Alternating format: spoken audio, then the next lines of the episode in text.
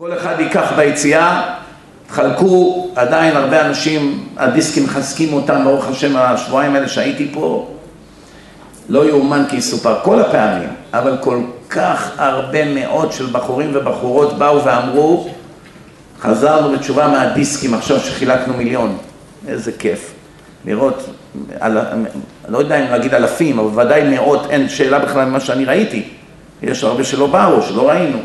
גם ההרצאות האלה משודרות בשידור ישיר, כל אחת מההרצאות קרוב למאה אלף צופים בשידור ישיר יש עכשיו. פה כמה מאות אנשים, זה משודר דרך הפייסבוק לכל, אפילו לחוץ לארץ. אנשים נכנסים, מקבלים הודעה בטלפון ורואים את הדרשה בשידור ישיר. כמה השם הקל עלינו המחזירים בתשובה את המלאכה. אבל חייבים לנצל את זה. אוטוטו כבר לא יישאר זמן, זהו, נפספס חס ושלום את הרכבת. אני קודם כל רוצה להודות לכבוד הרב שגם נשאר איתנו, תודה רבה כבוד הרב, מחילה שבזבזנו לכם את כל הערב, אבל uh, אני גם רוצה גם להודות למארגנים, לשי, שי עוזר הרבה, שי פעיל, אכפת לו, אכפת לו לקרב אנשים. טוב מאוד, ירבו כמותך בישראל, הלוואי שכל אחד ככה אכפת לו מאחרים, כל הזמן להפיץ רבנים, דברי תורה, לענות. גם זה צריך סבלנות, מה, יש הרבה טועים, כותבים שטויות. לענות להם הרבה פעמים התשובות שהם מקבלים ואתה מפנה אותם לרב הנכון, ככה אתה מציל חיים, מה אתם חושבים שזה צחוק? הצלת יהודי אחד, אפילו במקומות הטמאים האלה של האינטרנט, פייסבוק, אחד הוצאת משם והבאת אותו לישיבה, אשריך ואשרי חלקך. לא צריך להגיד לך איזה שכר יש לך מזה.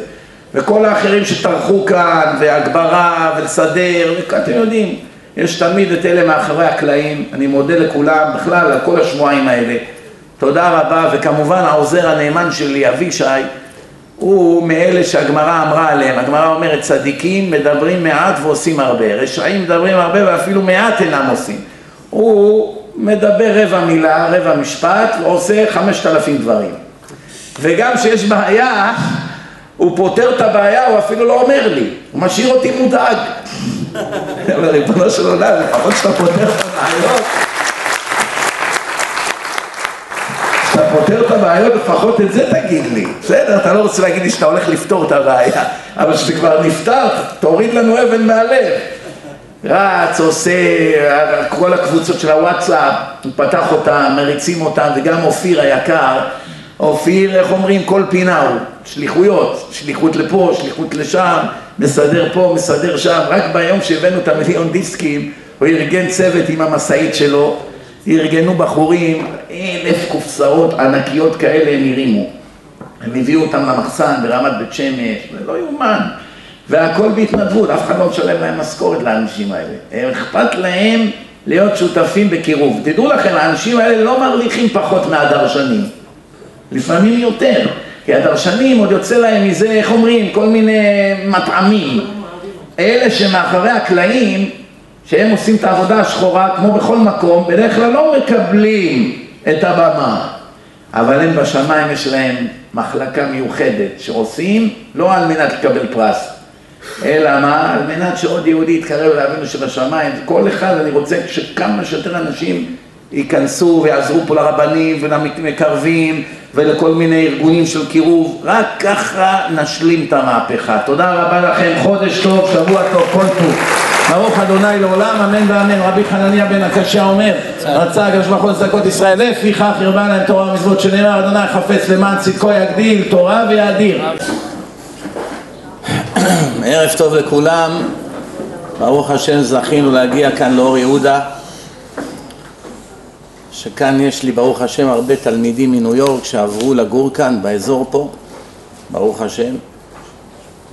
אנחנו כידוע לכם התחלנו, אנחנו כבר בחודש אלול, ארבע שבועות ליום הדין, הזמן קצר, המלאכה מרובה, הפועלים העצלים, הבעל הבית דוחק, הפנקס פתוח, הכל רשום, ואת הכל יביא השם במשפט. עין רואה ואוזן שומעת וכל מעשיך בספר נכתבים. זה כל, דבר, כל רגע בחייו של היהודי הוא חייב לדעת את זה. בדרך כלל חודש אלול מתחיל או בפרשת ראה או בפרשת שופטים. שזה היינו הך, שניהם יש להם מסר חזק לאלול. ראה ראשי תיבות, ראה אלול הגיע. ראה אנוכי נותן לפניכם היום ברכה וקללה. יש לך שתי דרכים בחיים, דרך הטוב, דרך הרע. תלך בטוב, תקבל טוב, תלך ברע, תקבל רע. פשוט מאוד, אנשים עושים את זה הרבה יותר קשה ממה שזה.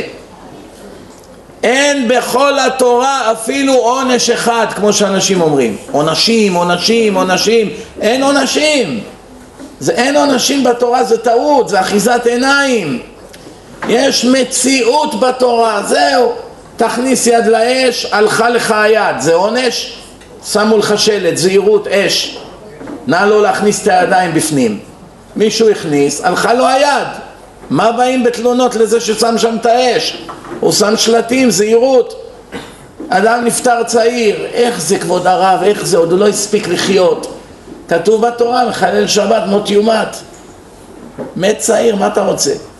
זה דברים שכתובים, אז תשאל, בסדר, אני מקבל, אני מודה, התורה זה מהשם, ודאי. השם לא משחק משחקים, אם הוא כתב זה מציאות. אבל למה המציאות עובדת רק על נגיד חמישה אחוז מהאנשים?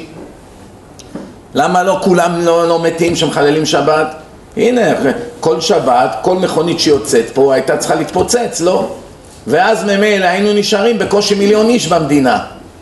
תוך שבת אחת. ירידה דרסטית. אז למה זה לא קורה? אז ודאי, הקדוש ברוך הוא יש לו אילוצים.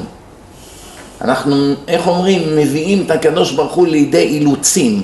בהתנהגות שלנו, במעשים שלנו, הקדוש ברוך הוא נאלץ, נאלץ לעשות דברים שהם נגד רצונו. למשל, כולם יודעים שיש ויכוח גדול בין הציונים הדתיים, דהיינו תלמידיו של רב קוק, לבין הסאטמרים, תלמידיו של רבי יואל מסאטמר. שניהם שומרים שבת, שניהם אוכלים כשר, שניהם מאמינים באל אחד וכולי, שניהם בעלי חסד, שניהם עושים כל מיני דברים טובים, שניהם יהודים בקיצור. אותה תורה יש להם, אבל אידיאולוגיה הפוכה לגמרי. אלה תלמידיו של הרב קוק הציוני, מה שהיום קוראים ציונים דתיים, דתי לאומי, כיפות סרוגות, יש לזה כל מיני שמות. אתם מבינים על מי אני מדבר, כן? אלה דוגלים בדבר אחד מעל הכל, יישוב ארץ ישראל, אפילו במחיר החיים. נחיה דבוק לערבים, נחיה בפחד, נחיה בלחץ, העיקר אנחנו מיישבים את ארץ הקודש, זה החיוב שלנו, למסור על זה נפש, ובזכותם באמת הארץ גדלה והם התפשטו לכל מיני יישובים מסוימים, והנה לך ארץ ישראל התפתחה יפה מאוד. ויש את אלה של סאטמר, יותר נכון אלה שכבר הלכו נטורי קרתא, שהם אומרים שבכלל אסור לחיות פה. זאת אומרת, מותר לחיות פה, אבל אסור להקים פה משטר. בוודאי לא משטר שהוא לא דתי, חרדי וכולי, אלא אנחנו דחקנו את הקץ. באנו ובכוח הזרוע התחלנו מלחמות עם הבריטים והערבים שהיו כאן ובכוח הקמנו מדינה על ידי צבא, כוחי ועוצם ידי ובאמת זה נגד הנבואות כי בנבואות כתוב שמי שיעשה את זה זה המשיח. המשיח צריך לבוא ולקבץ את כל נדחי ישראל לארץ הקודש ולבנות כאן ארץ עם משטר תורני ואז תהיה תחיית המתים וייבנה בית המקדש. כל זה כתוב בספרים שככה אמור להיות. זו הייתה התוכנית. אז מי צודק? הסאטמרים אומרים תחזיר את הארץ לערבים ונחיה תחת השלטון שלהם הציונים אומרים השתגעת? נמות ולא נעשה כזה דבר. ושניהם שומרי שבת. שניהם מאמינים באל אחד. התשובה רבותיי שניהם צודקים באופן חלקי. מה הפירוש? בתחילת הדרך לפני 60-70 שנה שהכל התחיל היה רבי יואל מסטמר צדיק גדול. הוא צעק נגד הקומוניסטים, נגד הציונים שהיה להם תוכנית להעביר את עם ישראל על דתו, שכולם כאן יהיו גויים, כולם יהיו חילונים, כולם יהיו מחללי שבת, כולם יאכלו שפנים, כולם יקראו לילדים שלהם בשמות של רוסים וכל מיני פולנים, הכל כאן יהיה של גויים, קיבוצים כמו ברוסיה, קומוניזם, הסתדרות, זו הייתה התוכנית. ולבטל לגמרי את הדת, לא מעוניינים כאן בשום בית כנסת, שום ישיבה, שום רבנים, שום כלום. זו הייתה התוכנית שלהם, אז ודאי ש... סאטמר וכל שאר החרדים אז צעקו גוואלד נגד זה, מה זה פה? אלפיים שנה חיכינו בשביל שאלה יבואו ויעשו לנו מה שהנאצים לא הצליחו לעשות לנו. הנאצים הרגו הרבה גופות. אבל מי שהיה שם, הרבה מהאנשים לא העבירו אותם על דתם, נשארו, הרבה מהם נשארו, נשארה תורה אחרי השואה, הרבה מאלה הניצולים נשארו חרדים, אני הכרתי כמה מהם, עם המספרים על היד, חרדים גמורים בניו יורק שיצאו מהמחנות ואלה באים עכשיו פה בארץ הקודש לעשות לנו כזה תרגיל, נלחמו בהם בכל הכוח. זה לא הדרך, לצאת למלחמות, כל יום ימותו כאן אנשים, זה לא הדרך, זה לא הייתה התוכנית של השם. אתם לא יכולים להביא את הגאולה בכוח הזרוע, ככה הם אמרו. ואלה אמרו, אין ברירה, הייתה שואה, נמאס, לא נמשיך לסבול עוד, כבר אלפיים שנה סובלים, הולכים באש ובמים, נקים פה מדינה ואימא. שיתפו פעולה הדתיים עם מי? עם השונאי דת, הקומוניסטים שהיו פה. מי שמכם למד קצת אזרחות. אז היו כאן ציונים חילונים וציונים דתיים שעבדו ביחד כדי להקים פה את המדינה. מה שכן, לא לשכוח שבעלייה הראשונה, 1880, מי שבאמת התחיל להקים את המדינה זה אך ורק חרדים. לא לשכוח פה. זה לא, לא כל כך אוהבים לדבר על זה פה בבתי ספר. העלייה הראשונה 1880, יואל משה סלומון, זרח ברנט, הראשונים שבאו לכאן שהכל היה ביצות, כולם היו חרדים עם כובעים שחורים, זקנים ופאות. ורק אחר כך, 1917 וכולי, התחילו לבוא כל הרוסים, הקומוניסטים, הפולנים, שונאי הדת, אנשי ההשכלה, כן? ובאו לכאן ופיתחו עוד יותר את הארץ. ומי חבר אליהם? הציונים הדתיים, כי היה להם משימה משותפת, גם הם רצו להקים פה מדינה.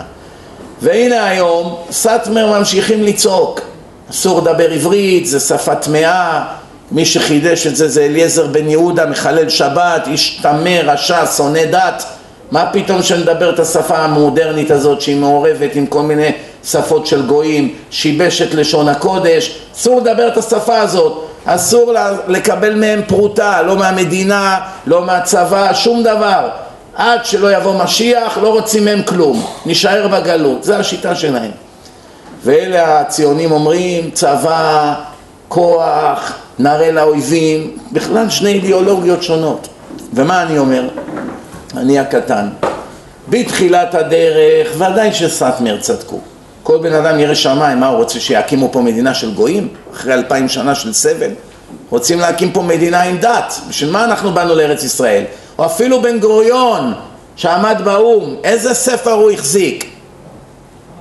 החזיק את התנ"ך, זה זכותנו על הארץ. לא משנה שהוא לא קיים כמעט כלום ממה שכתוב שם, אבל לפחות היה לו שכל להחזיק את התנ"ך באו"ם. והגויים התביישו, כי גם הם לומדים תנ"ך בכנסיות ובמסגדים. הם גם לומדים, ולא היה להם הרבה מה לענות, ועוד גם הם הרגישו רע אחרי השואה, איך אומרים? זו הייתה שעת רצון. ומה עכשיו? אחרי שכבר בנינו פה מדינה והשקענו פה מאות של מאות של מאות של מיליארדים ומתו כאן 25 אלף חיילים במערכות ישראל ומתו כאן מי יודע כמה אנשים בטרור ונשפך פה הרבה דם והרבה מאמץ ופיתחו פה כבישים והקימו צבא ומה שאתה רק רוצה מה העצה שלהם? לבוא להגיד טוב טעינו הדרך הזאת זה לא הדרך קחו, היי מוחמד בואו קחו הכל אנחנו נחיה תחתיכם פה אתם תשלטו בנו ואנחנו נשב ונחכה עד שיבוא משיח ואז הוא כבר יטפל בכם. תוך 24 שעות לא אחד מאיתנו לא יישאר פה חי. אין פה מציאות כזאת בכלל. ולהוריד עכשיו חמישה שישה מיליון יהודים מהארץ לחוץ לארץ לחכות עד שיבוא משיח זה מציאותי. למה אני מספר לכם את כל זה? כי זה בדיוק מה שנקרא לאלץ את הקדוש ברוך הוא לעשות דברים נגד רצונו. שבאו להקים כאן והתחילו להילחם, מחתרות, רובים וכולי, לא הייתה לקדוש ברוך הוא ברירה, מה אני אעשה? אני אתן לעשרות אלפי בניי למות פה בטבח? אין לי ברירה, הם עושים דבר נגד רצוני, אני רציתי להביא את משיח ולעשות את הגאולה על מגש, בלי טיפת דם אחת, אבל אין להם סבלנות, דוחקים את הקץ, הכניסו אותי למלכוד, זהו, יהיו מלחמים, מחתרות, פעולות, אין לי ברירה, מה אני אעשה? זה שתי אפשרויות, או שאני משתף איתם פעולה ומציל אותם והם יקימו פה מדינה למרות שזה לא היה תוכנית, או שאני נותן להם לכולם למות, אז ימותו חמישים אלף, מאה אלף פה, כי הרי ברור, זה או זה או זה, אין באמצע. מה עשה השם? התחיל לעזור לנו בניסי ניסים. והנה הקמנו מדינה, כי יש כלל ביהדות, בדרך שאדם רוצה ללך, מוליכים אותו, רוצים בדרך של כוח הזרוע, כוחי ועוצם ידי, אין מה לעשות, זה מה שבחרתם, זה מה שתקבלו. ועד היום לא היה יום אחד שלא נרצח פה מישהו, מאז קום המדינה. פעולת טרור, פעולת איבה, פעולת זה, פעולת שם. לא גומרים איתך, חייל פה, חייל באימונים, חייל... משלמים על זה מחיר כבד, זה לא בא בחינם. כוחי ועוצם ידי עלה לנו ועולה לנו ולצערי גם יעלה לנו ביוקר. אין מה לעשות, בחרת בדרך הזאת, שלם את המחיר. מצד שני, אלה הסאטמרים, הגיע הזמן לרדת מהעץ כבר, די. צדקתם לפני שני דורות. היום זה כבר מציאות מוגמרת, זהו, אין דרך חזרה. תלמדו להכיר את המצב החדש ולהתאים את עצמכם למציאות שנוצרה. אי אפשר ללכת ראש בקיר לנצח. זהו, זה המציאות עכשיו. למה הדבר דומה? בחור אחד בא לרב, אומר לו כבוד הרב, אני רוצה לפתוח חנות בהרלם. אין שם יהודים, רק גויים. ומקום של פשע, מקום לא כל כך טוב. אומר, אני רוצה, יש לי 200 אלף דולר, חסכתי, רוצה לפתוח חנות בהרלם. אומר לו הרב, לא בשבילך, יש לך עשרה ילדים, כל היום תהיה שם סכנת חיים, יש שם שודים, אין שם אווירה תורנית, אין מניינים למנחה וערבית, כל היום תראה שם גויים, זה לא בשבילך, אתה צריך מקום, איך אומרים, איפה שיש חרדים, איפה שיש תורה, איפה שיש כשר, איפה שיש מנחה, ערבית, שחרית, זה לא בשבילך. אבל ההוא, איך אומרים, יש כאלה באים לרב רק כדי לקבל את החותמת. קיבלו, מרגישים טוב, לא קיבלו, עושים בכל זאת. של מה אתה בא? אז אותו אחד מה עשה? אמר, מה עכשיו? נתנו לי עסקה טובה, שכר דירה בזול, אחלה חנות, מקום מרכזי, מה הרב הזה מבין? יאללה, אני הולך לוקח את המקום. שם שם מקדמה, שיפץ, 200 אלף דולר, השקיע במקום. מילא את החנות סחורות, עכשיו עברו שישה חודשים, החנות, איך אומרים? על הפנים. בקושי משלם את השכר דירה, הוא כבר רואה שאני פה הולך להפסיד את כל הכסף. מצד שני, הקדוש ברוך הוא רואה עכשיו, שמע, זה יש לו עשרה ילדים להאכיל. אין לי ברירה.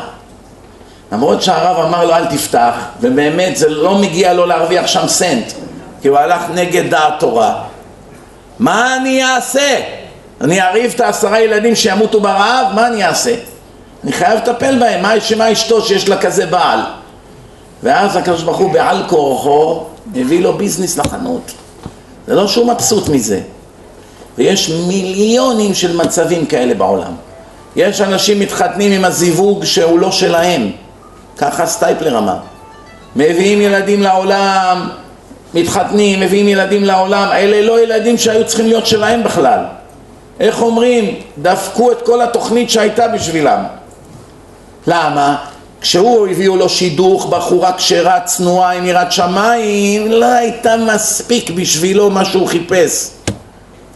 ואז הוא ויתר עליה, ואחר כך הוא התחרט כמובן, אבל היא בינתיים הלכה עם אחר, הקדימה, הקדימו אחר, ואז הוא הלך להתחתן עם מישהי אחרת, והכל פה, כל התוכנית משתנית עכשיו. זו הייתה הזיווג שלו, אבל הוא ויתר עליה בגלל סיבות טיפשיות. לפעמים הורים הורסים את השידוך. השידוך הוא מצוין, לא מסכימים. למה? אנחנו פרסים טהרנים והם פרסים מקשן, לא מספיק טובים בשבילנו. לא מסכימים. אנחנו בוכרים והם קפקזים, לא יקום ולא יהיה. או הפוך. כמובן, כולם חושבים שהם הכי טובים, זה בלי, בלי יוצא מן הכלל. ואז ההורים שמים וטו, והוא מסכן, אין לו ברירה, מאיימים עליו, לא נשלם על החתונה, וכל הדברים האלה. והורסים את השידוך. המסכנים האלה, תגובת שרשרת. כל אחד מתחתן עם זיווג לא נכון וכולי. ככה מאלצים את השם לעשות דברים נגד רצונו. מחללי שבת, מחליטים לנסוע פה במדינה כאילו פריז פה, שבת, הכבישים פה מלאים מכוניות. מה התורה אומרת? אני צריך את כולם ברגע לנקות פה מן העולם, אבל מה אני אעשה? ייגמר לי עם. מה אני אעשה? אני עכשיו אקח ארבעה מיליון אנשים? גם לא יוכלו להתאושש מכזאת טרגדיה פה. רק עכשיו גמרו שואה. עוד פעם אני אנחית עליהם מכה ארבעה מיליון, מה אני יכול לעשות עם כאלה ילדים? כמו אבא עם הילדים. יש לו בן פרחח, מה יעשה כבר? התייאש כבר. אבא, תעשה ככה, אבא, קח, קח את האוטו, עזוב אותי, בסדר, קח, קח, לך, תתייאש. מה יעשה איתו? בכל מקרה, הילד הזה בוחר בבחירות לא טובות. האנשים פה בוחרים להתאבד, והשם בעל כורחו צריך להציל אותם. רק מה הבעיה?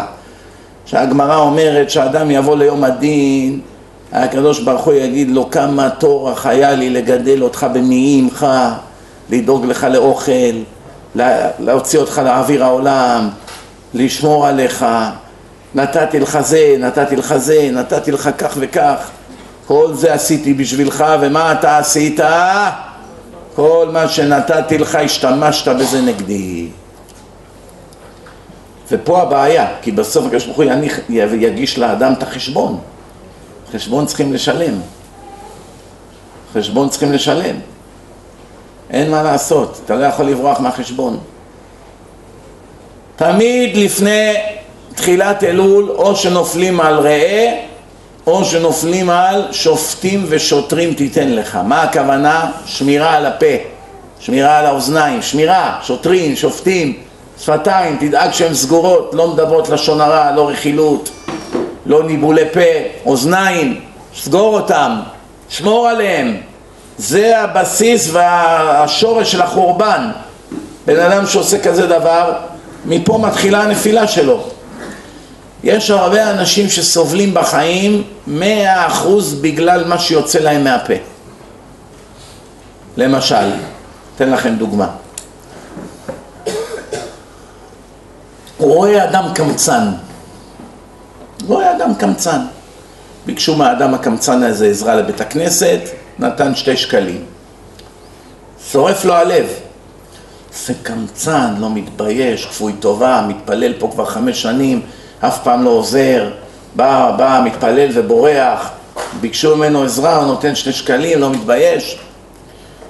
אז הוא גמר אותו, שפט אותו, לא מגיע לאדם הזה ככה, ולא מגיע לו ככה, ולא מגיע, בסדר, השם כותב הכל, רושם הכל, הכל סגור. עוברת תקופה, מביאים לו את אותו ניסיון, גם זה עכשיו.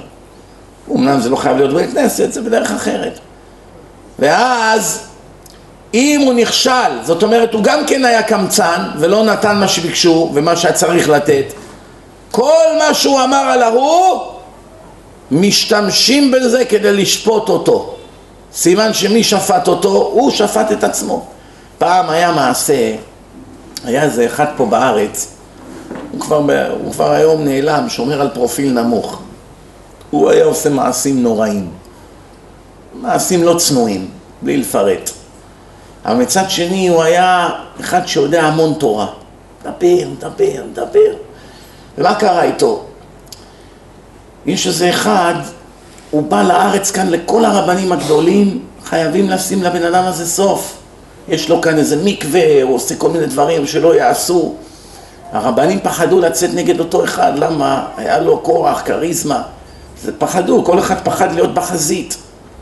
וזה לקח תקופה, תקופה, תקופה, איך זה אחד ניהל את המלחמה, הוא בא לפה, היה הולך מרב לרב, בא לסטייפלר, בא לרב בן ציון אבא שאול, היה הולך, הולך, הולך, אף אחד לא רצה לחתום. בסוף אותו אחד שעשה את המלחמה, הוא סיפר לי, אני השארתי אישה בהיריון בחודש התשיעי, אני הולך להילחם, אני בכלל לא גר פה. אני גר בחוץ לארץ, אבל מה, אני לא יכול שהוא ינצל פה אנשים. מסרתי נפש, עזבתי את העבודה חודש ימים, הפסדתי כסף, באתי לכאן ואף אחד מהם לא רוצה לחתום? בסוף הוא בא לחכם בן ציון אבא שאול, אמר לו, כבוד הרב, אני את שלי עשיתי, תחתום. הוא אומר, זה לא פשוט, לא פשוט. הוא אומר לו, אני, כבוד הרב, לא, לא מחכה יותר. עשיתי ככה, עשיתי ככה, וזה. הנה הנייר, הנה העט, תחתום בבקשה, אתה חותם, יפה מאוד. אתה לא חותם, אני עולה על מטוס היום, חוזר לאמריקה, כל העבירות שהוא יעשה מהיום והלאה על הראש של כבודו. ככה הוא אמר חכם בן ציון. הוא אומר, איך שהוא שמע את זה, הוא קיבל חלחלה, תביא, תביא מהר את העט. הוא ידע שהוא צודק, זה לא שהוא לא ידע. היה לו היסוס אם לחתום נגדו או לא. מיד לקח את העט וחתם. ואז הלכו לעוד כמה רבנים, ראו, הוא חתם, כולם חתמו. טוב, איך נגמר העניין? לא אמרו לו שיש מכתב נגדו. הזמינו אותו לפגישה של כל החכמים. הביאו אותו לשם.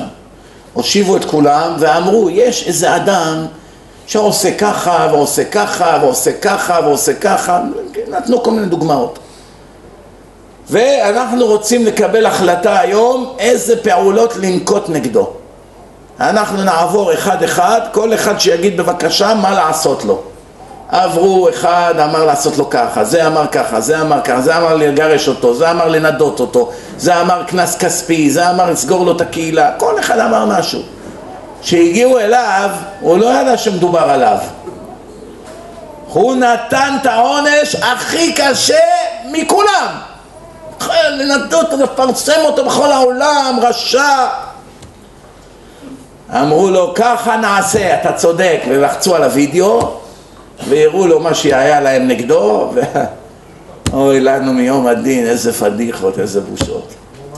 תארו לכם איזה בושות היה לו באותו רגע. וככה ניפו אותו וניקו אותו, וברוך השם כבר איזה 20-30 שנה לא שומעים ממנו. פעם היה, הייתה כאן חתונה בארץ, בשעה 12 בלילה נעלמה המעטפה של המתנות. אתם יודעים, בארץ, היום אני חושב יש כספות כאלה, שמים, אז לא היה עדיין. אז היה איזה שק כזה גדול, היו נותנים לאבא של החתן, אבא של הכלה, כל מה שהם נותנים, היו שמים בשק הזה. מחביאים את זה, איזה סבתא, מושיבים אותה לשמור. כנראה שהסבתא התרשלה במשימה, הייתה עסוקה יותר מדי בסטייקים, והנה נעלמה השקית. נעלמה השקית. בא החתן, אבא, איפה השקית עם כל הצ'קים? היה פה הרגע. מה, דוד משה, מה, אמור? אין שקית. איזה סוף עגום לחתונה. והם תכננו לשלם לתזמורת, לאולם, אתם יודעים איך זה. מחפשים, הופכים את האולם, בחיות, 12 וחצי, אחד, אין שקית. נעלם מקום, מישהו גנב את זה. משטרה קוראים, משטרה אומרים, מה נעשה? מה אנחנו יכולים לעשות? האורחים הלכו כבר, מילא היינו סוגרים את המקום, עושים חיפוש. כולם הלכו כבר, אבוד, מה אנחנו יכולים לעשות? לא היה כמו היום, מצלמות, זה. טוב, איך אומרים, כאשר עבדנו, עבדנו. הלכו במפח נפש. כעבור שלושה שבועות, מה קורה אחרי החתונה? וידאו מגיע. אוספים את כל המשפחה לראות את הוידאו של החתונה. אז היו כאלה קלטות גדולות בגודל של מקרר. מכניסים את זה בווידאו, יושבים כולם, כל המשפחה, רואים, רואים, רואים, כל לא, לא, לא, לא, סימן טוב, אם ישכחך ירושלים, פתאום נהיה בערך שלוש שעות לתוך החתונה, פתאום הכלה אומרת לבעלה, תראה משה, הנה השקית, מתחת לשולחן, תראה, תראה. אומר, כן, איי, איי, איי. יושבים, יושבים, יושבים, פתאום אומר לה, את יודעת, אולי יהיה לנו מזל לראות מי גנב את השקית. אולי לא שם לב שהצלם צלם. היא אומרת, אה, הלוואי, השתבח שמו. פתאום רואים איזה אחד בא עם הגב למצלמה, הגנב מבגדד. הופיע ככה, הרים את השק, הרים את הג'קט, הכניס את זה ככה מתוך הג'קט בכוח, עושה ככה והתחיל לרוץ. פתאום שומעים מאחורה כיסא נפל על הרצפה, בום! אתם יודעים, זו רצפה של הארץ, זה לא אמריקה הכל מעץ. על האבן, בום! מסתובבים, את מי רואים? אבא של הכלה הגנב. הבת שלו גונב את הכסף של החתונה, נו, חלאה כזאת. למה הוא התעלף? הקדוש ברוך הוא עשה אצל הבן אדם מנגנון שרמת הבושה עולה במקום שיקבל התקף לב, זה כמו בסוויצ'ים.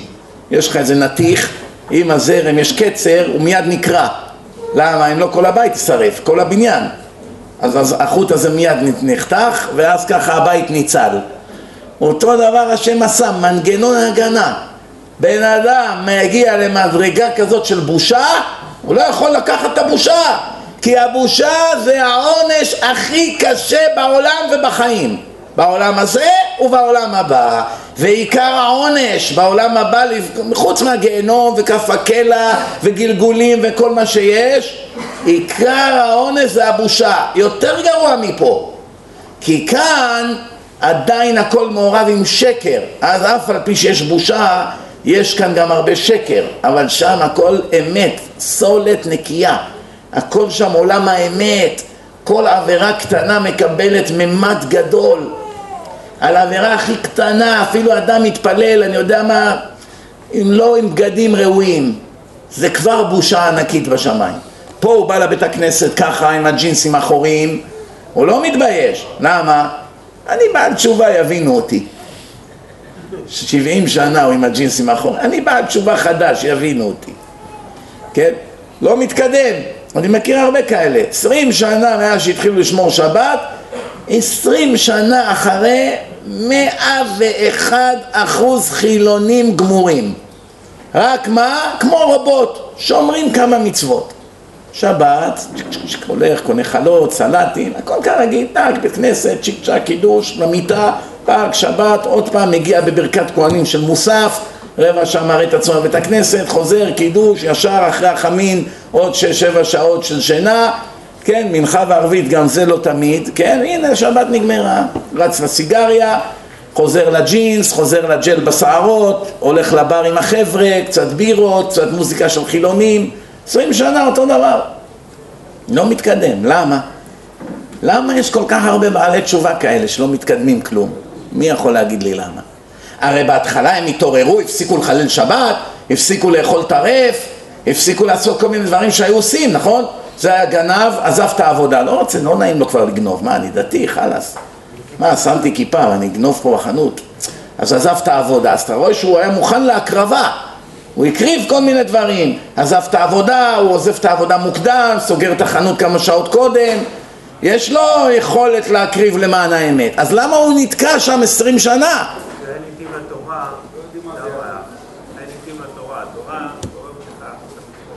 התשובה רבותיי, שמעתם מה הוא אמר?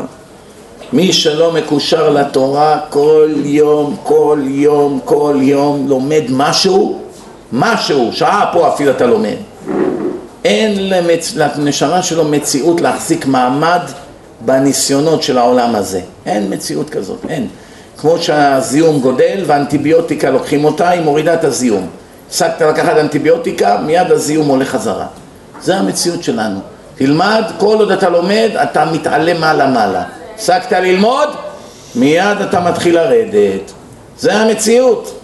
המציאות ככה היא. ולכן יש הרבה מהבעלי תשובה האלה שהם לא באים ללמוד. הם לא באים ללמוד, הם צ'יק צ'אק באים, מתפללים צ'יק צ'אק באיזה שטיבל ומהר רצים לעבודה, לא לומדים. והם חושבים, אני שומע גם דיסקים, טוב, שומע דיסקים, בטח שטוב, אם לא הדיסקים כבר היה מזמן בשנקין או בחוף מעורב. לפחות הדיסקים הוא מחזיקים אותו על הקו, על המסלול, כן? אבל דיסקים זה איך אומרים? עזרה ראשונה. עכשיו צריכים בית חולים. בית חולים זה ישיבה. ישיבה זה בית חולים לחולי נפש. כי כולנו חולי נפש זה חולה גאווה, זה חולה נשים, זה חולה ממון, זה חולה עצלות, זה חולה כבוד, זה חולה קנאה, זה חולה... כל אחד יש לו מחלת נפש. אין אחד שהוא נקי. אחד, כל החיים שלו אוכל. איך שהוא קם בבוקר, אבא, איפה נלך לאכול היום? יש שוארמה ברמת גן, נלך לשם. כשר, גלת כשר. אבל יש גם ברחובות, נכון? אי אפשר ללכת לשניהם. בוא נלך לשניהם. איך? מה, ארוחה אחרי ארוחה תוך שעה? אוכל את הלב על זה שהוא מפסיד אחד מהם. מה הפירוש? חי בשביל לאכול, לא אוכל בשביל לחיות. כל החיים שלו סביב האוכל. אומרים לו יש חתונה, ישר הוא בודק איך השף שם. איך יהיה, אוכל טוב או לא? אם האוכל טוב, אני בא, מאשר. אם האוכל לא כל כך טוב, או שזה תלמיד ישיבה ובחורה צעירה אין להם כל כך כסף, יהיה מלפפונים מתוקים כאלו, אתם יודעים, אפילו חומוס בקושי יהיה, הוא כבר עושה חשבון מה אני אוכל שם, עזוב, ממציא תירוץ, אני יש לי משמרת לילה, מחילה, דרך אגב, כל התירוצים האלה סופם להתגלות, אתם יודעים. נגיד עכשיו התקשרת לבוס שלך, איציק! כן, שמע, אני לא מרגיש טוב היום. איי, אני על הפנים, הראש, יש לי חום גבוה, איציק, תרגיש טוב, תרג... יניב, תרגיש טוב, יניב. ויום הדין, איציק יראה את הקטע עכשיו. אה, איציק, וואלה, הראש שלי מתפוצץ, איך שניתק, יא פראייר. קם כמו אריה, הולך לים, מתקות. לא מרגיש טוב, אה? אוי לבושה, אוי לכלימה. כתוב שהאחים של יוסף עמדו לפניו, הם עוד לא ידעו בהתחלה שזה יוסף. פתאום שהוא אמר להם אני יוסף, לא יכלו לענות לו כי נבהלו מפניו. מה זה נבהלו? כתוב בפרשת בחוקותיי, והפקדתי עליכם בהלה. אתם יודעים מה זה בהלה? אתה, אתה מכיר בן אדם שהולך ברחוב ובא מישהו בלילה, באיזה סמטה, מישהו מתחבא לו, שתיים בלילה, מקום שגם ככה מועד לפורענות, איזה אחד חמד לצאן, עומד מתחבא שם אחרי איזה פח זבל, איך שהוא מגיע הוא קופץ, אה! איזה בהלה, הלב שלו יכול למות מזה, מהתקף לב. וואו, תביא, תביא את המשאף, אני מת. תביא מתיק, אני מת. לא, לא, אל תמות, זה היה סתם בדיחה. עכשיו הוא נזכר על הרצפה, וואו, מה עשית לי, אתה משוגע? ראיתם איזה רמה של בהלה? זה מה שזה נקרא, בהלה. והפקדתי עליכם בהלה, והיית משוגע ממראה עיניך. עוד לא התאוששת מהמכה שקיבלת בבוקר, כבר באו עליך עוד שניים. ככה כתוב בפרשת בחוקותיי. בקיצור, הבן אדם חי בפחדים. חצי עולם, רביי, I have panic attack. כבוד הרב, יש לי התקפות פאניקה. anxiety attack. אתם יודעים מה זה anxiety attack? חרדות, כולו בלחץ, זיעה. מאיפה זה נובע כל הדברים האלה? זה מה שכתוב, נתקללנו בקללה הזאת והפקדתי עליכם בעלה. שומעים? אז האחים שראו שזה יוסף, כי נבהלו מפן, לא יכלו לענות לו. הם השתגעו מרוב פחד. יואו, מה הוא יעשה לנו עכשיו? אוי לנו מיום הדין. זה ההרגשה שבן אדם ירגיש בזמן שהוא יעמוד בית דין של מעלה. והעשירים הכי הרבה יאכלו אותה. הנה כבר העניים מחייכים. עוד לא יודעים למה, אבל כבר מחייכים. למה? למה העשירים אוכלים אותה הכי חזק ביום המוות? לא, בוא נגיד שאני מדבר על עשיר צדיק שהרוויח הכל ביושר וגם נתן 20% מעשרות, חומש. כשר. איך שהוא נפטר מן העולם, חרדה נוראית, הרבה יותר מהעני. למה?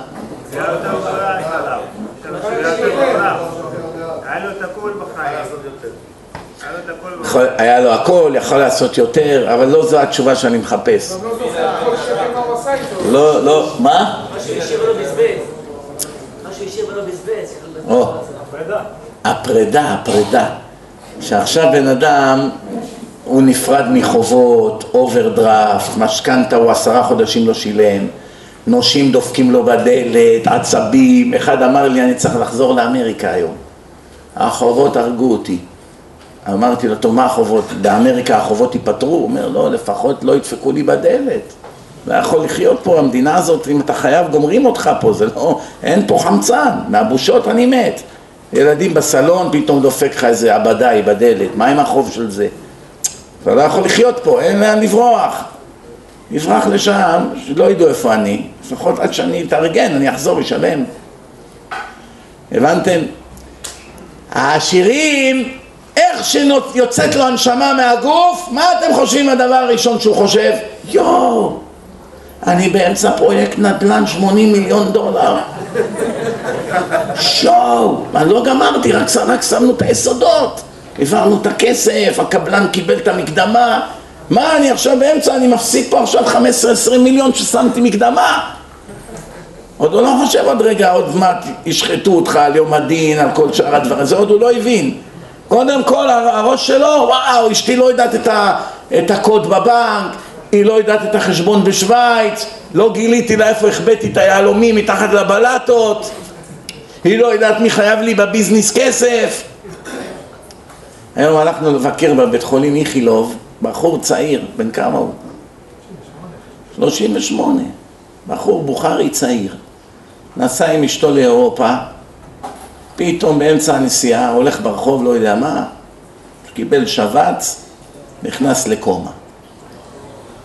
לא יודע איך הביאו אותו משם לארץ במצבו, ויש לו חנות למכשירי אלקטרוניקה, מוכר כל מיני דברים וכולי. אז, אז הביאו אותו פה לבית חולים, וכמה ימים לקחת שהוא בכלל פתח את העיניים. והיום הלכנו לבקר אותו בדרך לבני ברק, נסענו לרב חיים קניאבסקי, אז על הדרך עצרנו שם באיכילוב. נכנסנו לבית חולים, העיניים שלו ככה פתוחות, בוהות בחלל, שום דבר, הוא לא מזיז, לא את העיניים, לא ימין, לא שמאל, שום דבר, כמו צמח. מחזה מחריד, בחור צעיר, זקן גדל לו, כבר כמה, כמה שבועיים בבית חולים, שלושה שבועות. אישה צעירה, ילדים צעירים, ואחרי שיצאנו משם, אומר לי אבישי, עכשיו הביזנס שלו, אף אחד לא יודע מה לעשות שם. מילא הצרה הנוראית שנפלה עליהם, השם ירחם לו עלינו, כזה אובדן, כזה מצב ביש. אבל יש עוד דברים שהרבה לא חושבים עליהם. כולם חושבים מטבע הדברים על המציאות, יבריא או לא יבריא, בעזרת השם שיבריא, כן? אבל הרבה יש השלכות. בן אדם עבד עשר, עשרים שנה, פתח חנות, חייבים לו אנשים כסף, אשתו לא יודעת כלום. מי יפתח את החשבונות, מי יודע את הקודים, מי יודע למי חייב, למי הוא חייב, מי חייב לו. הכל הולך ברגע. עכשיו בהנחה והבן אדם הזה עכשיו שוכב ככה והוא באמת מסוגל לחשוב, מה אתם חושבים עובר לו עכשיו בראש? חוץ מאשתו והילדים וההורים שהוא יודע שכולם סובלים ובוכים מה עכשיו עובר לו בראש? יואו, הוא חייב לי מאה אלף שקל, זה חייב לי עשרים אלף שקל. ההוא הבטחתי לו שאני אביא לו כסף יום שני. הכל נתקע בחיים פתאום, זה מה, רבותיי, זה מה שקורה. פתאום הנשמה נשלפת מהגוף והכל ברגע מתהפך ואז, אז נופל האסימון לכל אלה שרדפו ממון בכל מחיר. כסף, כסף, כסף. אז הם מקבלים את הסתירה של החיים שלהם. סתירה נואשת. טיפש מטופש 300 מיליון דולר. נו מה עכשיו, מה אתה שווה עכשיו? קודם כל הבנק השוויצרי יאכל חצי מזה. החצי השני אנקל סם אובמה וחבריו ישימו 50% מס על השאר. חצי אף אחד לא יודע איפה הוא החביא. חצי השני הממשלה תאכל. החצ... הרבע שנשאר הילדים שלו יאכלו אחד את השני על זה. וזה הסוף שלו אחרי 50 שנה של רדיפת ממון. ועולם הבא אין לו. נשאר קרח מכל הכיוונים. אמרתי, זה שאני, אומר, טוב, לפחות לא השארתי פה כלום, מה יש לי, אה, התפטרתי מהעולם הזה. השתבח שמו איזה חסד עשית איתי. יש כאלה גם שנאו את האישה שלהם, אז עכשיו בכלל הרגו שני ציפורים באבן אחת. גם מתפטר מהחובות, גם מתפטר ממנה. או הפוך, כן?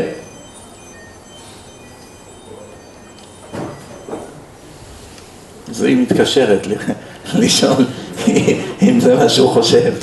בקיצור, רבותיי, בקיצור, העולם הבל הבלים. שלמה המלך, מה, מה, אתה לא סומך עליו? הוא אמר, ניסיתי הכל, טעמתי הכל, ראיתי הכל, חכם שבאדם, עשיר שבאדם, מלך של העולם, כל העולם זוגד לו. מה אתה רוצה יותר טוב? בן של דוד המלך. היה עוד בן אדם כזה בעולם עם כזה מעמד? מה אמר לך? סוף דבר, הכל נשמע את האלוקים. מה זה סוף דבר הכל נשמע? כל מה שעשית, הכל ינגנו לך ביום הדין, פליי. כל מילה, כל גניבה, כל קללה, כל חילול שבת, הכל יישמע מחדש. סוף דבר הכל נשמע, כיוון שסוף דבר הכל יישמע, אתה תצטרך לראות את כל הסרט מחדש, ויהיה בושות גדולות. אני מציע לך את האלוקים ירא ואת מצוותיו שמור, כי זה כל האדם. מה עם הביזנס? כלום. מה עם הספורט? כלום. מה עם הקריירה? כלום. מה עם ילדים, אישה, בית, טיולים, חופשה? כלום. רק דבר אחד חשוב, את האלוקים ירא ואת מצוותיו שמור, כי זה כל האדם. רווק, נשוי, עם ילדים בלי, הכל חשוב, הכל חשוב, ודאי. סופו של דבר יש לך יראת שמיים, אתה מלך, אין לך יראת שמיים, אתה אפס. מה כתוב? ראשית חוכמה, יראת השם. זאת אומרת, חכם זה אחד שיש לו יראת שמיים. וזה מה שכתוב, מי שאין בו דעת, אסור לרחם עליו. מה זה אין בו דעת? לא שהוא טיפש, הוא יכול להיות פרופסור באוניברסיטה. אין בו דעת, הכוונה, כל מה שהוא לומד מהתורה או שמע וכולי, מתעלם. לא מיישם את זה למעשים, לא מסיק מסקנות תורניות, רוחניות. אז אדם כזה אין בו דעת, כיוון שהוא לא יודע להבדיל בין טוב ורע מבחינה רוחנית. מבחינת ביזנס הוא מלך, באוניברסיטה הוא מלך, עם בחורות הוא יודע לעשות את הבחירות הכי טובות, הכל הוא מלך, דבר אחד הוא אפס, בעניינים רוחניים הוא אפס. אומרים תן צדקה, תמיד הוא נותן למקום הכי טמא. אומרים תעזור למסכנים, תמיד הולך לעזור לרשע הכי גדול. אומרים תתרום לבית הכנסת, רץ לבית כנסת של רפורמים.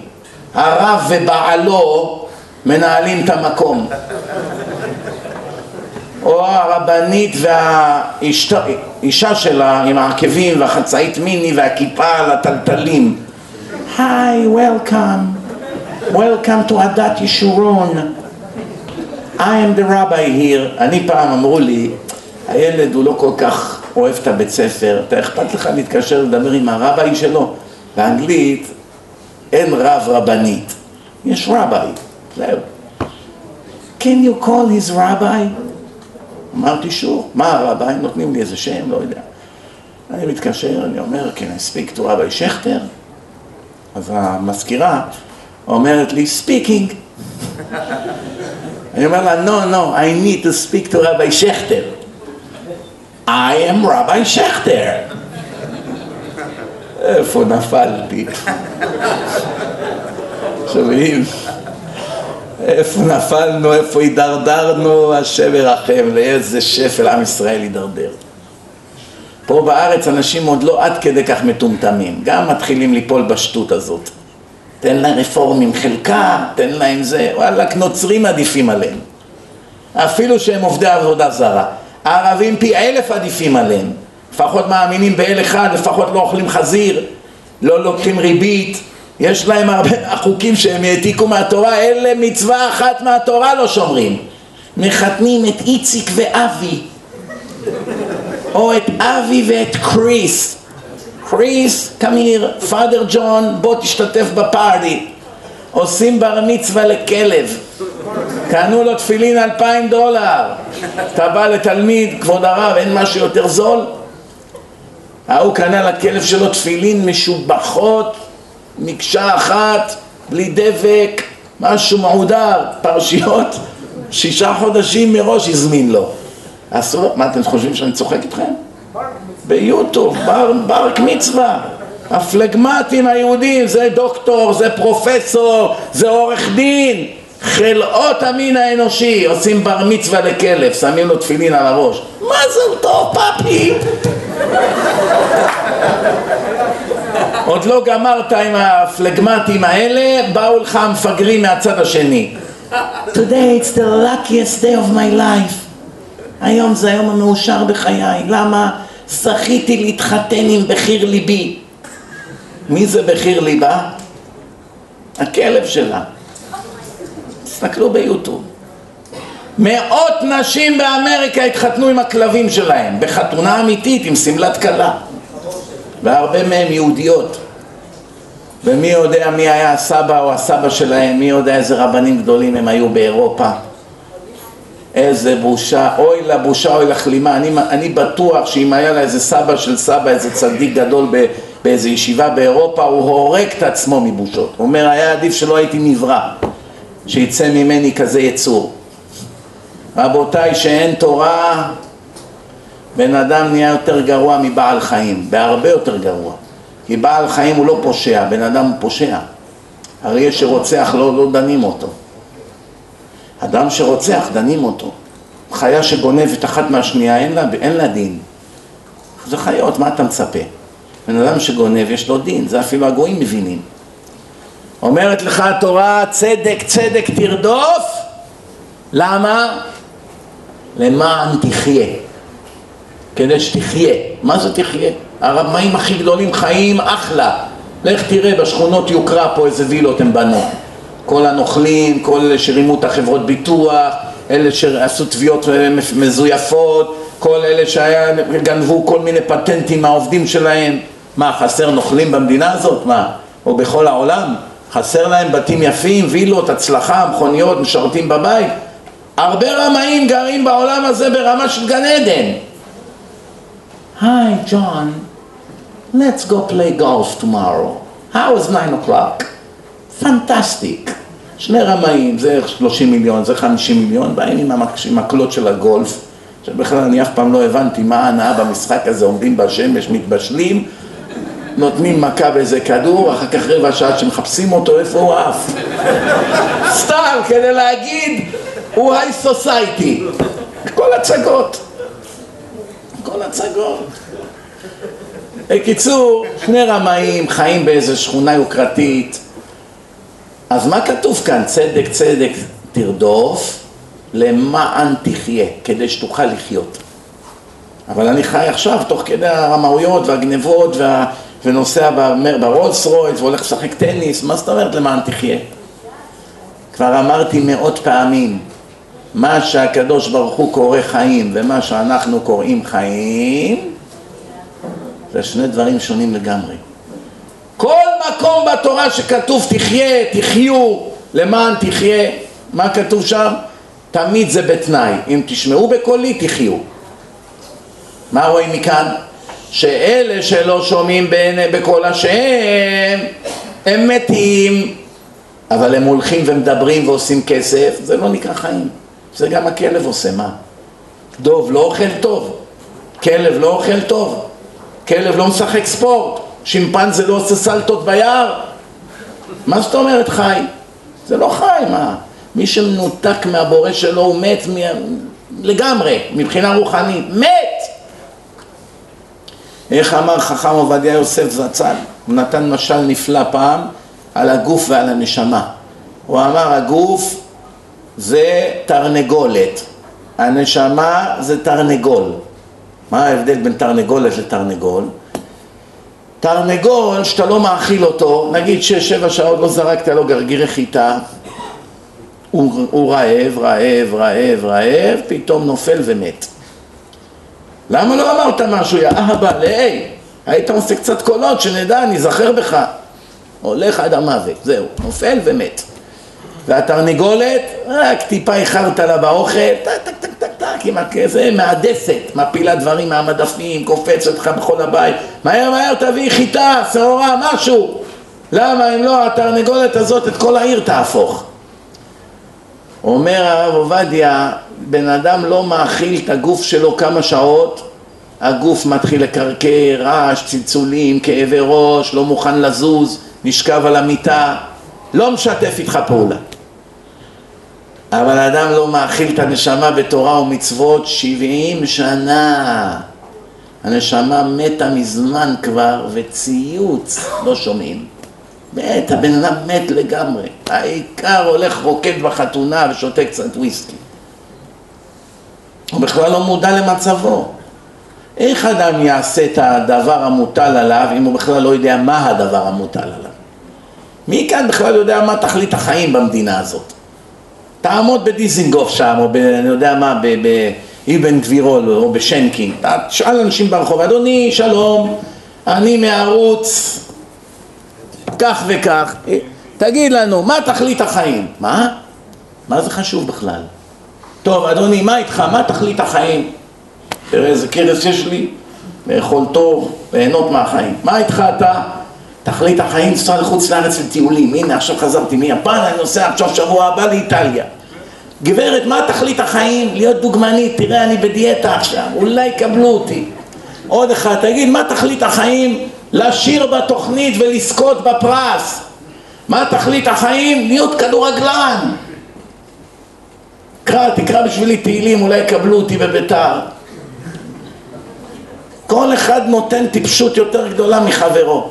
אף אחד בכלל לא מבין למה שמו אותו פה בעולם, כל אחד חי באיזה דמיון, קריירה, שמריירה, אנשים בוכים, לא קיבלו אותם לתוכנית, רוצים להתאבד. כבוד הרב, הבן שלי בדיכאון, הלך לתוכנית ככה, ניפו אותו.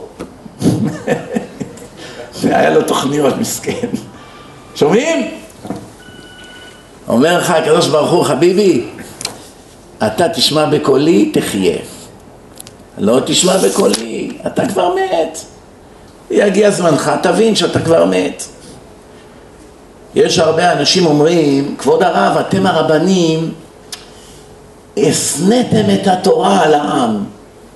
גזרות, הוספתם דברים, חז"ל. אם היה התורה קלה ככה כמו שהיה פעם, לפני כל התוספות, תאמין לי, אני גם הייתי דתי. מה יש? אבל עכשיו עם כל הגזרות, גזרות, גזרות, קשה להיות דתי. מה אתם אומרים? שקרן. אולי הוא באמת מתכוון לזה, למה שקרן? יש אנשים, כל פעם שחילוני אומר לך, שאתה שואל אותו אם הוא שומר שבת, אז הוא יגיד, הוא יגיד, אני לא, אני שומר בדרך שלי. מה זה הדרך שלך? מה שכתוב בתורה אני עושה, אבל השאר זה החכמים המציאו. הרבנים, מוקצה, זה, זה לא בשבילי, אני, מה שכתוב בתורה אני עושה. תגיד לו, למה אתה משקר? כתוב בתורה לא תבערו אש בכל מושבותיכם ביום השבת. אתה מדליק אש? כן. מדליק גפרורים? כן. מדליק מנורה ככה, נוגע בה, עולה באש? כן. מדליק מכונית? כן. אז אתה מדליק אש בשבת, אז למה אתה משקר? אחרי שתשמור ולא תדליק אש בכלל בשבת ולא תיסע במכונית, תחזור אליה, אני אסביר לך למה באמת שום דבר לא בא מהחכמים, אלא הכל מאת השם. אבל עכשיו, בזה נסיים. אני חייב לרוץ לשדה התעופה, מה אני אעשה? שימו לב מה כתוב בתורה, כי יפלא ממך דבר למשפט בין דם לדם, בין דין לדין, בין נגע לנגע, דברי ריבות, מה זה דברי ריבות? מריבה, רבים על משהו. בשעריך, כל מקום שתגור. וקמת ועלית אל המקום אשר יבחר השם אלוקיך בו. כוונה בית המקדש. ובאת אל הכהנים הלוויים ואל השופט. מה זה שופט? שופט בסנהדרין. אחד שיודע את כל התורה, כן? אשר יהיו בימים ההם. זאת אומרת, על מתי התורה מדברת? על כל הדורות שעתידים לבוא. כי כאן זה עוד לפני שנכנסו בכלל לארץ, עוד לא הקימו את בית המקדש, עוד לא היה סנהדרין. אלא שופט אשר יהיה ביום בימים ההם. ודרשת והגידו לך את דבר המשפט. דרשת אותם ואמרו לך מה, מה הדין. שימו לב מה כתוב כאן. ועשית על פי הדבר אשר יגידו לך מן המקום ההוא אשר יבחר השם. ושמרת לעשות ככל אשר יורוך. שימו לב, על פי התורה אשר יורוך, לא על פי האוניברסיטה, לא על פי דעתם, על פי התורה אשר יורוך, ועל המשפט אשר יאמרו לך תעשה. לא תסור מן הדבר אשר יגידו לך ימין ושמאל. לא לסור ממה שהחכמים בכל דור ודור יגידו לך לעשות. שמעת? חז"ל אמרו זה מוקצה אסור בשבת? כן אדוני. חז"ל אמרו אסור איחוד עם בחורה, אולי אתם תגיעו לידי עבירה? כן כבוד הרב. חז"ל אמרו בשר עוף עם, עם חלבי אסור. זה יביא אנשים לידי טעויות, הם לא ידעו להבדיל עגל, עוף, זה נראה אותו דבר, יראו איזה מישהו אוכל בשר עוף עם גבינה צהובה או מותחת הוא עלול לחשוב, אה, מותר פתאום לאכול חלב ובשר. אומר לך התורה, שימו לב, והאיש אשר יעשה בזדון לביל תשמוע אל הכהן העומד לשרת שם את השם, אלוקיך, או אל השופט, שומעים? אחד שלא ישמע בקול השופט, ומת האיש ההוא וביערת הרע מישראל. פעם הבאה שמישהו אומר לך כבוד הרב זה רבנן, תגיד לו רבנן יותר חמור מדאורייתא. דאורייתא זה עבירה אחת ממה שהשם אמר, לא לאכול חזיר, זה דאורייתא. כשאדם עושה איסור דרבנן הוא עובר גם על איסור דרבנן וגם על איסור דאורייתא. איזה? ועשית ככל אשר יורוך, לא תסור. אסור לך לסור ממה שהחכמים אומרים בכל דור ודור, לא ימין לא שמאל. איזה חכמים? לא כל תלמיד ישיבה מדובר פה. חכמי הדור. אחד שברמה של שופט, דיין. ומה התורה ממשיכה? וכל העם ישמעו וייראו ולא יזידון עוד. יפה מאוד. תדאג שכולם ידעו שעל זה יש עונש מוות. כל המלעיג על דברי חכמים, הכוונה לועג, נידון בצוהר או תחת. שומעים? זה נורא ואיום. אונקולוס עשה סיאנס לבלעם, לטיטוס וליושקלה. העלה את שלושם באוב, שלושתם. יושקלה הוא עדיין מת יהודי, אבל השניים הראשונים אמרו לו, תשמע, אתה לא בשביל להתגייר, יהיה לך קשה, תנחם ביהודים, בזכות זה תהיה אדם חשוב, כי הקדוש ברוך הוא לא נותן אותם ביד של אדם פשוט. יושקלה אמר לו, לא, לא, תדבק בעם ישראל, תתגייר. אמר לו, איזה דין דנו לך בשמיים? אמר לו, אני נידון בצוהר או תחת. אומר לו, למה? אומר, כי לא כיבדתי את החכמים. כל המלעיג על דברי חכמים נידון, יש מקום שנקרא צוהר או תחת. במקום בריכת גורדון, בריכת הפסולת של כל השכונה. מתקבץ שם במיוחד אחרי שבת, כן? למה? זאת שאלה שצריכים לשים פתק בכותל המערבי. למה השם החליט ככה? יש, יש כל מיני בריכות. איזה פסוק זה עם הדרבנן? פרשת שופטים, עלייה ראשונה, תסתכל, בעלייה הראשונה זה כבר מופיע. שומעים? רבותיי, שמעתם מה אמרתי לכם?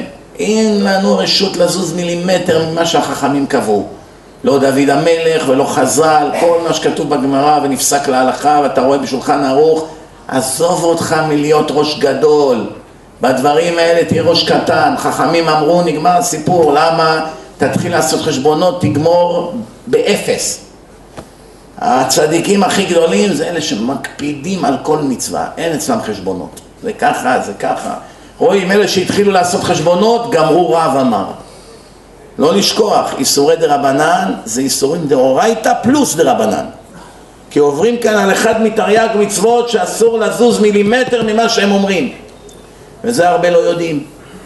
אם היו יודעים, היו חושבים מאה פעמים לפני שעוברים עבירה על דה רבנן.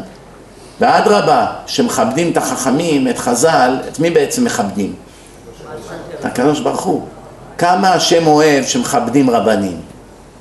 רבנים שלמדו הרבה תורה, מלמדים תורה, מחזירים בתשובה, עוזרים לאנשים. עצם זה שאתה מכבד אותו, לא בגלל העיניים היפות שלו, הזקן המדהים שלו, לא. עצם שאתה מכבד אותו בגלל שהשם אמר לאהוב תלמידי חכמים, למלא את הכיסים שלהם, למלא את גרונם יין, כל מיני דברים שכתובים, שכמה השם אוהב את זה. למה? כי זה לא בגלל שהשם אכפת לו אם תיתן לו יין או בשר או כסף, זה שטויות, זה השם לא חסר לו כסף, ישלח לו כסף בדרך אחרת. בגלל שאתה עושה את זה בגלל שלשמח את השם. זה כמו שיש נסיך עכשיו, והנסיך הזה עבד ביער, אתה רצת לעזור לו. למה עזבת את הביזנס ורצת להביא אותו עד לאבא שלו? בגלל שזה בן של המלך. אז המלך מעריך את זה בגלל שהוא יודע שאתה כיבדת את הילד בשבילו. זה דבר גדול. כשאתה קם, שנכנס חכם, שאתה מדבר אליו בכבוד, לא כמו היום חצי מדינה פה רוצחים פה חכמים באינטרנט כל דקה. שמות גנאי, קללות, שקרים, עלילות, סיפורים, זלזול. האנשים רק היו יודעים איזה גהני גיהנום הם מכינים לעצמם על כל הערה שהם כותבים, היו קופצים עוד הלילה מהחלון, לא היו מחכים למחר. עוד הלילה היו קופצים מהמגדל, אם הם רק היו מבינים מה מחכה להם על כל מילה שהם כתבו באינטרנט, ואי אפשר למחוק את זה. אין, אי אפשר לכפר על זה, זהו. יום כיפור עכשיו, אתה רוצה לכפר על זה, אין, אין, אתה לא יכול לכפר על זה, אפילו תתקשר לחכם, לא, אני מבקש לך מחילה, וזה יגיד לו, מה מחילה? אתה, הדברים שלך ממשיכים לרצוח אותי ולגרום לי נזק כל יום. מה מחילה? מחילה, מה מחילה? הדברים שלך עכשיו, כל יום אני מפסיד בגללך כסף, כל יום אני מפסיד תלמידים בגללך, כל יום המקום שלי יורד בגללך, כל יום פחות דיסקים שלי לוקחים בגללך, מה זאת אומרת מחילה? מי ימחול לך? אתה עשית שואה רוחנית בעם ישראל. יש הרבה מטומטמים כאלה. יש כאלה, אפילו אצלי בדף של הפייסבוק שלי, אצלי, נכנס לקלל אותי. מילא, תקלל אותי במקום אחר, אתה חייב להיכנס אצלי בסלון לקלל אותי שם, קלל אותי אצלך בסלון. מראה לכם מה שחז"ל אמרו לפני ביאת משיח, פני הדור יהיה כפני הכלב. כלב, ראיתם שהולכים ברחוב? איך הכלב רוצה לרצוח אותך? אתמול הלכנו ברחובות, היה לנו שבתון, כל וילה שם יש כלב. אז כל פעם שעוברים ליד הדלת או הגדר של הווילה, הכלב קופץ, וואו וואו וואו וואו, מסכן הבן שלי, עשרים פעם, כל שלוש צעדים, הוא היה קופץ, הוא לא רגיל. קופצים, הכלבים רוצים לרצוח אותך, מה? הולכים במדרכה. אף נמר לא היה קופץ, חזיר לא קופץ, סוס לא קופץ, חמור לא קופץ, גמל לא קופץ. כלב? כלב. רק עברת, אוכל לרצוח אותך בדם קר, לקרוע אותך לגזרים, מה קרה חביבי? מה עשינו לך? זה מה שיהיה לפני ביאת משיח. אנחנו, החוכמה שלנו היא להינצל מהמפלה הזאת. כשיבוא משיח, בהבל פיו שורפם, ככה כתוב. הוא יגיד כמה פסוקים וכל הרשעים האלה יעלו באש. אני רוצה להודות לכם, סליחה שהיום היה קצר מהרגיל, גם התחלנו באיחור לצערי עד שכולם מילאו את המקום פה וגם מלכתחילה היה שיעור קצר כי אני חייב להספיק לטיסה, יש לי עוד שעתיים ומשהו טיסה תודה רבה, אני לא יכול להתעכב, בבקשה, לא תמונות, לא ברכות, לא מי שצריך לדבר, בפעם הבאה. ברוך אדוני לעולם, אמן ואמן.